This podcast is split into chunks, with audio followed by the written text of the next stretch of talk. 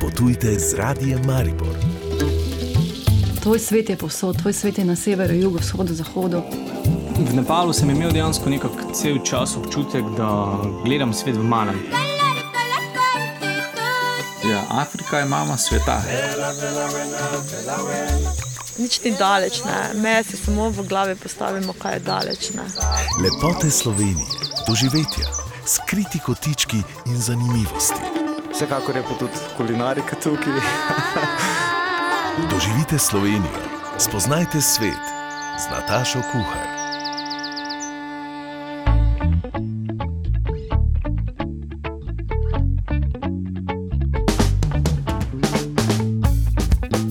Lepo pozdravljeni, v tokratni oddaji se bomo ustavili na Ptuju, kjer z novim promocijskim katalogom v več jezikih nagovarjajo turiste. Novo publikacijo za turiste pa so pripravili tudi pri Združenju turističnih kmetij Slovenije. V sklopu ponovitev potopisov pa bomo danes slišali del zanimive pripovedi z potovanja po Peruju.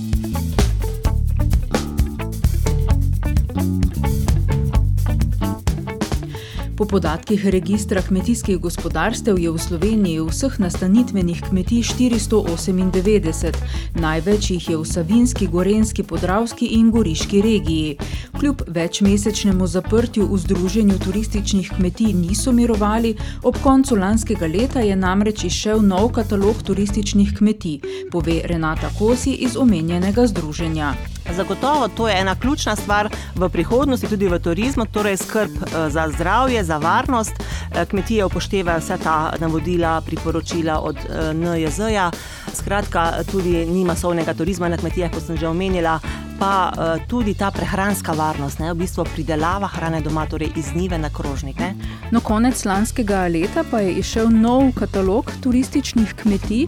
Koliko kmetij se predstavlja v njem in kaj vse predstavljate? Ja, mi smo bili zelo veseli.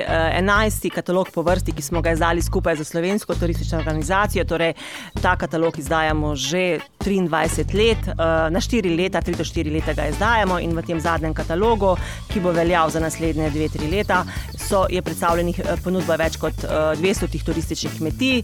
Skratka, ponuja namige za oddihe, enodnevne oddihe na izletniških kmetijah, Vinotočih, Osmicah ali pa za večdnevno bivanje na nastanitvenih kmetijah, skratka na območju celotne Slovenije. So pa te kmetije vse predstavljene tudi na našem portalu www.turisticekmetije.si, kjer je pa ponudba več kot dvestotih kmetij predstavljena, tako da vabljeni. Katalog je brezplačen, z veseljem ga pošljemo, spletna stran je na voljo štiriindvajset ur. Rekli ste, da je to že enajsti katalog, ne? Je tudi veliko novih kmetij? Ja, v vsako leto oziroma vsakič, ko delamo nov katalog, tokrat jih je trideset novih kmetij se je odločilo za predstavitev. Ugotavljamo, da kljub vsej digitalizaciji, ki, v kateri živimo, je še vedno katalog ena specifična zadeva, torej tiskan katalog. Gostje želijo imeti tiskan katalog, kljub temu da je katalog v elektronski verziji, da je spletna stran. V lanskem letu je bilo masovno naročanje kataloga s strani slovenskih gostov, ravno zaradi teh turističnih bonov, in vsi so želeli imeti tiskan katalog, kljub temu da smo jim povedali, da je tudi na spletni strani. Slovenska verzija nam je že spomladi pošla, tako da smo jim v tujih jezikih pošiljali, angleškem, hrvaškem, italijanskem, skratka, na vsak način, tudi celo kopirali smo jim nekaterim slovensko verzijo kataloga, skratka, katalog je ena specifika in katalog bo vedno aktualen. Računate letos morda tudi na goste iz bližnjih držav, ne vem, iz Avstrije, Italije? Ja, tudi v lanskem letu na primer je bilo deset procentov tujcev, ne, je bilo tujih gostov na kmetijah. Tudi letos pričakujemo, da bo, da bodo prišli tudi tujci, seveda, ampak pričakujemo pa, da bo to razmerje podobno kot lansko, torej devetdeset procentov domačih gostov pa nekje deset procentov tujcev. Bomo pa videli, kaka bo situacija, ker vnaprej nekaj govoriti ne moremo, ker ne vemo, kako bo. V nadaljevanju pa v naše najstarejše mesto, tudi tam so posodobili turistični katalog. Potujemo tudi na spletu. Radiomaribor.si Lepote Slovenije, okusna doživetja, zanimivi ljudje. Potujte drugače, potujte z radijem Maribor. Da bi celovito predstavili turistično destinacijo, je Zavod za turizem Ptuj spomladi izdal nov turistično-promocijski katalog Ptuja. Katalog je na voljo v slovensko-italijanski in angliško-nemški različici in vabi tako domače kot tuje obiskovalce v starodavno mesto. Rdeča nit predstavitve je v bogatih slikovnih in opisnih vsebinah, ki se navezujejo na edinstvene zgodovinske lokacije, kulturo in zgodovinsko dediščino, festivalsko dogajanje, vinsko in kulinarično ponudbo, športne aktivnosti, kongresni in termalni turizem. Podrobneje nam katalog predstavlja Katja Ertl iz Ptujskega zavoda za turizem. Rdeča nit predstavitve so bogate slikovne in opisne vsebine, ki se navezujejo na edinstvene zgodovinske lokacije, kulturo in zgodovinsko dediščino, na festivalsko dogajanje, vinsko in kulinarično ponudbo, športne aktivnosti, kongresni in termalni turizem. Podrobneje bo katalog predstavila Katja Ertl iz Ptujskega zavoda za turizem. V resnici nam je manjkala ena taka publikacija, ki bi na celovit način predstavila to bogato in predvsem raznovrstno turistično ponudbo Ptuja. Verjamemo namreč, da je nekaj, kar se nam mogoče na prvi pogled zdi samoumevno, v resnici eden resničnih atributov mesta. Torej, na enem mestu imamo zgodovinsko mesto, ki ponuja vsa ta kulturna doživetja, ki se združujejo tudi s festivalskim dogajanjem, po drugi strani pa živimo resnično v neposrednji bližini narave, neokrnjenega podeželja, vinorodne krajine. Torej, ta preplet različnih kvalitet, torej naravnih in kulturnih danosti, se nam zdi nekaj, kar en tak širši promocijski katalog lahko predstavi.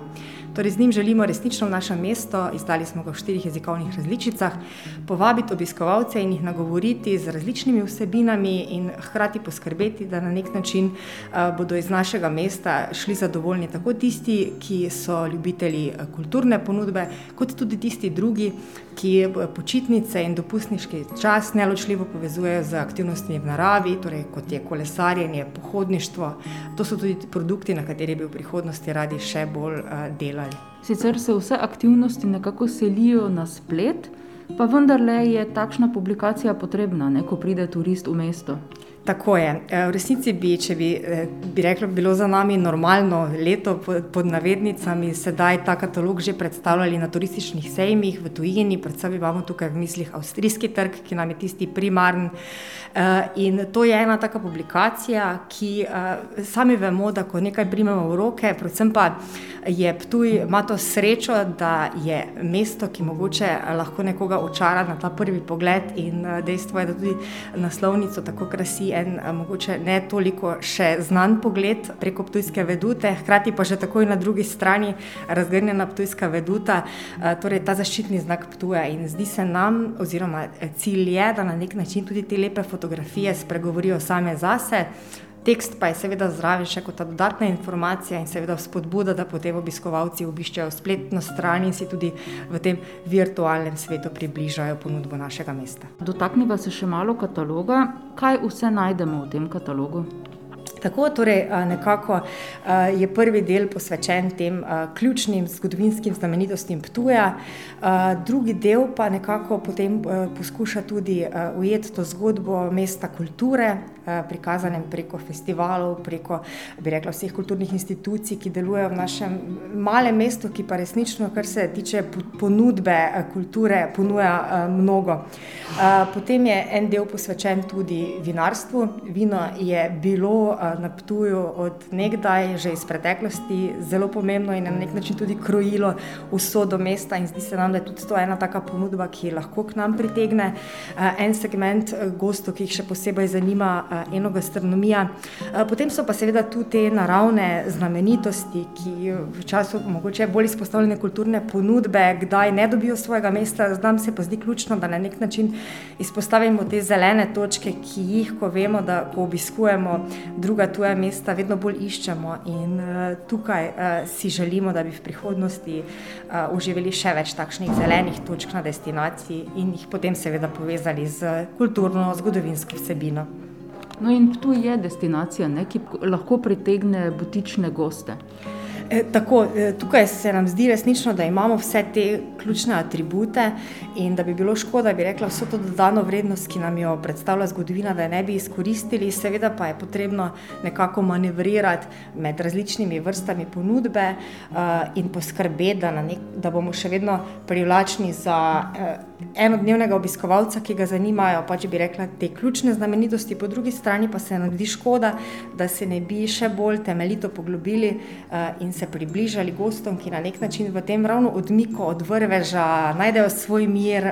Nekako. Imamo že par ponudnikov v mestu, kjer gostje pravzaprav ne zapustijo, bi rekla, mogoče skoraj namestitve, ker uživajo, ker jim je ta spokoj nekaj, kar na nek način sami včasih problematiziramo, njim pa je to tisto, kar jim predstavlja nek antipot njihovemu stresnemu življenju in verjamemo, da Ptuj, hvala Bogu, nikoli še ni doživel tega masovnega pritiska turizma in zato moramo biti, po moje, kar se tega tiče, previdni in nekako poskušati to srčiko mesta ohraniti tudi uh, z razvojem turizma. Čez nekaj trenutkov pa izptuja v Peru. Lepote Slovenije, okusna doživetja, zanimivi ljudje. Potujte drugače, potujte z radijem Maribor. Potujte z radijem Maribor. Tvoj svet je povsod, tvoj svet je na severu, jugu, vzhodu, zahodu. Doživite Slovenijo, spoznajte svet.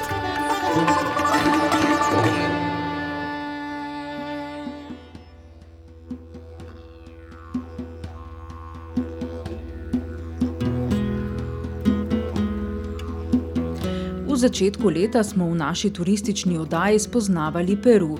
Je tretja največja južnoameriška država, ki leži na zahodnem delu te celine.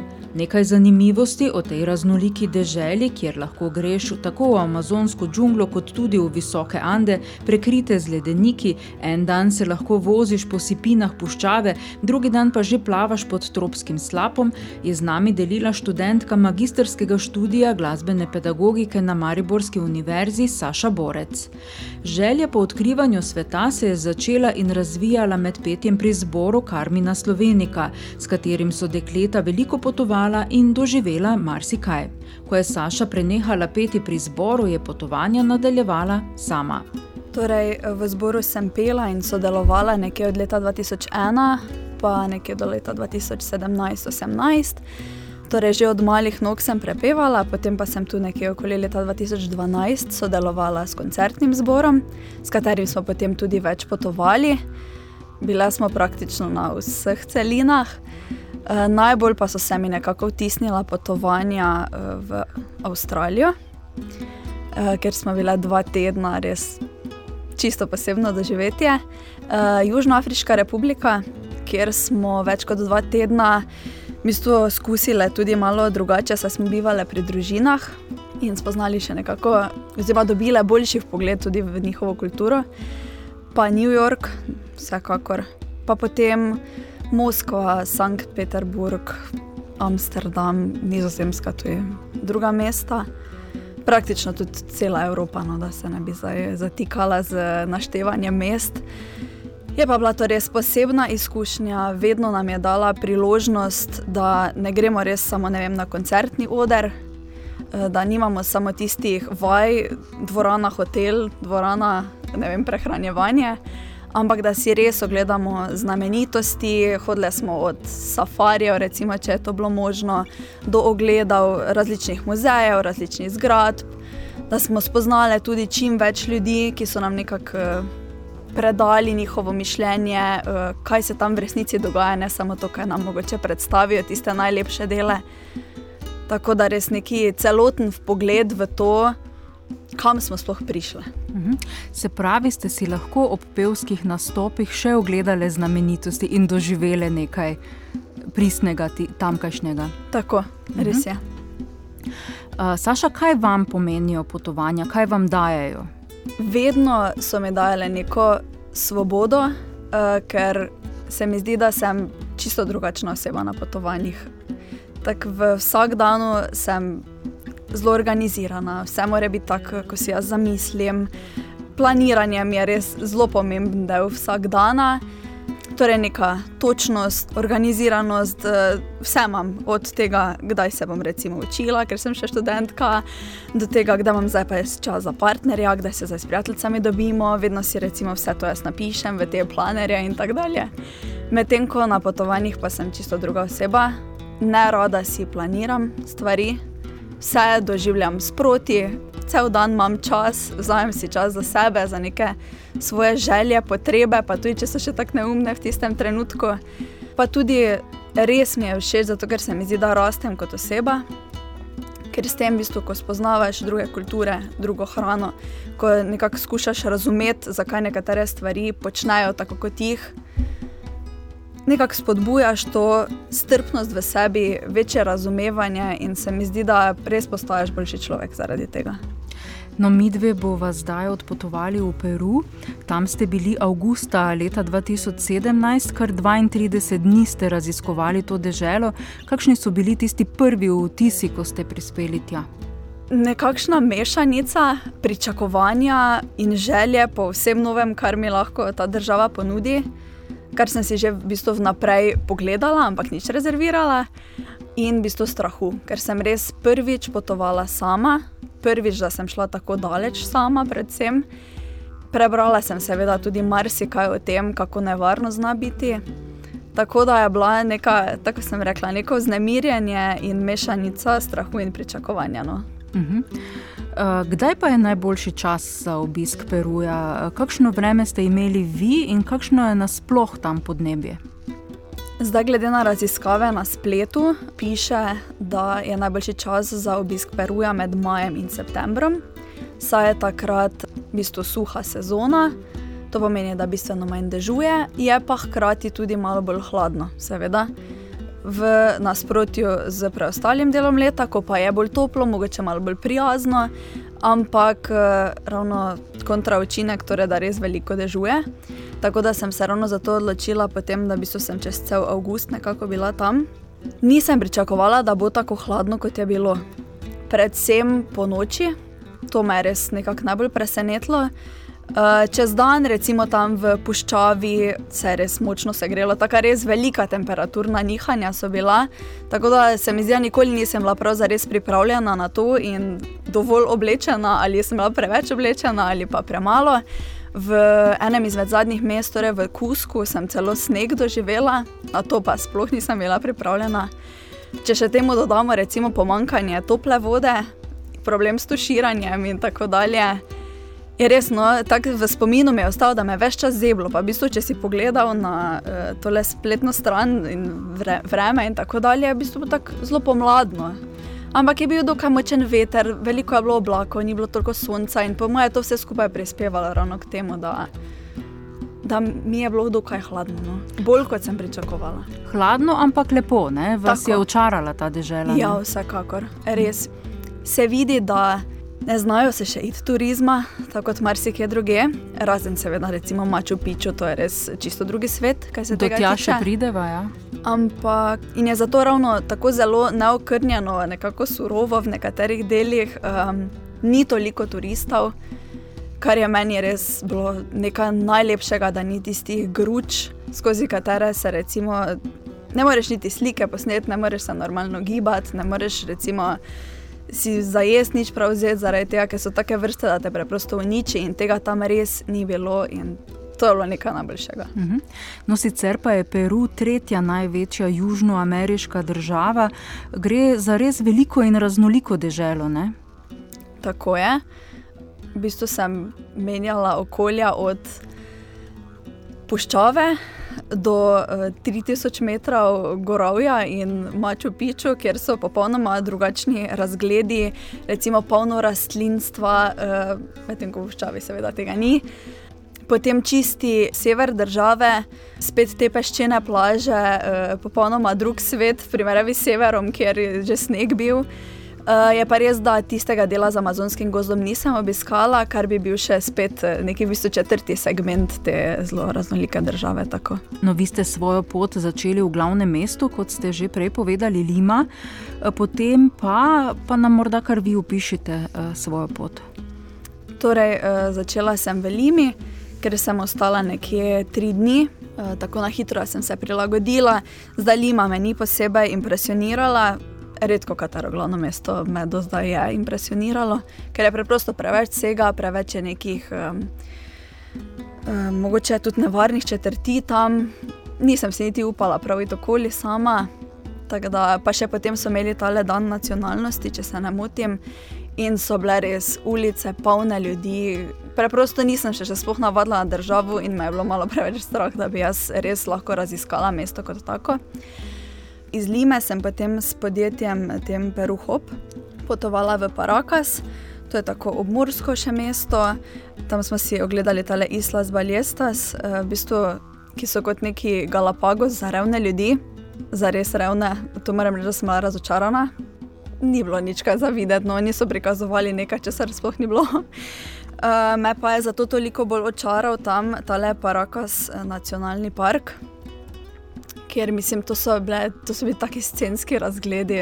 To, to če slik ne vidiš, to res težko da opišem. No. Na kar smo nadaljevali v Huakačino, uh, kar je v bistvu bil ta zadnji puščavski del. To je ravno ta del, ko sem rekla, da so največja temperaturna nihanja, ker za puščavo recimo niti ni takšno presenečenje. Ampak res pa noči me je hudo, hudo zeblo, čez dan pa nisem več vedela, kaj bi sploh slekla. Uh, sicer pa smo tukaj potem šli na tole neko adrenalinsko vožnjo z Jeepi, kot so oni to imenovali. Jaz mislim, da uh, to lahko res skoraj da samo tam doživiš, ker tam varnost ni tako zelo pomembna, kot je mogoče pri nas. In je res že bilo na meji, no, me je bilo kar strah, pa imam rada adrenalinske stvari. Uh, in pa tale sandboarding, to ne vem, kako bi se v slovenščino, kot neko deskanje v puščavi kjer smo se večinoma spuščali po trebuhu, tako nekako eh, na tistih malo bolj položnejših delih, pa si lahko tudi stal. In je bilo tako res zanimivo, nekaj posebnega, no, deskanje v puščavi. Jaz sicer na snegu smučam, ne deskam, tako da že iz tega vidika mi je bilo že čist nekaj drugega. Na to sem nadaljevala v Nasko. Naska je v bistvu najbolj znana po teh arheoloških najdiščih, zato ker so tam v bistvu tale Naska lines, to so kot neki hieroglifi, ampak res uh, ogromnih razsežnosti. Praktično moraš na, najeti takšno majhno letalo, prelez letalom. In je potem, mislim, da skoraj eno urna vožnja, da si potem ti to iz ptiče perspektive pogledaš in so prikazani takšni čudi. Mislim, to se res čudiš, kako so ljudje to narisali, ker oni takrat, to je tisoče let nazaj. Oni takrat niso imeli ptiče perspektive, da bi lahko pogledali, kaj so naredili. In so res tako zaključene risbe, tako res nekaj posebnega, nekaj takega še nisem videla, e, e, spada tudi pod UNESCO. Niso pa še točno raziskali, še zdaj ne, čemu točno je to sploh namenjeno. Potem uh, sem nadaljevala v Rekipo, tukaj sicer v mestu, ne morem kaj dosti povedati, ker nisem toliko v mestu ostala, ampak je to bila v bistvu samo kot nekakšna postojanka, saj sem nadaljevala na trekking v Kolka kanjon na 3000 metrov, uh, trodnevni trekking. Rekli so, da je preprost trekking, tako je tudi pisalo v brošuri in tako dalje. Pa ni bil, jaz nisem tako zelo slabo fizično pripravljena, pa mi je bilo nenormalno naporno, najbrž tudi zaradi višinske razlike in mhm. vsega skupaj. Ampak jaz res, da priznam, jaz sem se prvi dan se razjokala, ker nisem več vedela, meni je vse tako bolelo, sem si mislila pa je to dva dni, še ne bom več tega preživela. Pa je nekako šlo, pa so to tako čudoviti spomini. Tu smo tam pri domačini živeli, eh, se zbujali z njimi, oni so nam vse pripravili. Tam tudi ni bilo zdaj, recimo, možnosti, da bi rekel, jaz pa zdaj več ne bi šel naprej, naj nekdo pride po mene, ker te možnosti ni. Ker tam dostopa, morali vztrajati. Tako, tam dostopa z avtom ni, preprosto. Potem bi jaz sicer morala nadaljevati v Puno, ampak uh, so tam bili neki protesti, ne vem točno zakaj se je šlo, mislim, za te neke uh, učiteljske pravice, če se jaz dobro spomnim, ker se je potem v Kusku še to tudi malo nadaljevalo in so nas v bistvu preusmerili pot in smo zato zamenjali, najprej šli v Kusko. Ker tako kot sem rekla, je to res nežilo. Tam sem tudi enega Portugalca, zanimivega, spoznala, fotografa. On je v bistvu tako največ znal povedati, kje je pametno iti jesti, kaj si je najboljše iti pogledati. Večinoma sem do te točke vedno se pogovarjala s tistimi, ki so potovali, ki so ti seveda dali nekaj iz nasveta, iz tega, kaj so oni doživeli. Medtem ko tukaj pa je on res živel v tem mestu In vseeno, zato ker je prihajal iz Portugalske, pa eno leto živel je iz malo drugačnega vidika, vseeno gledal, kot pa mogoče domačini.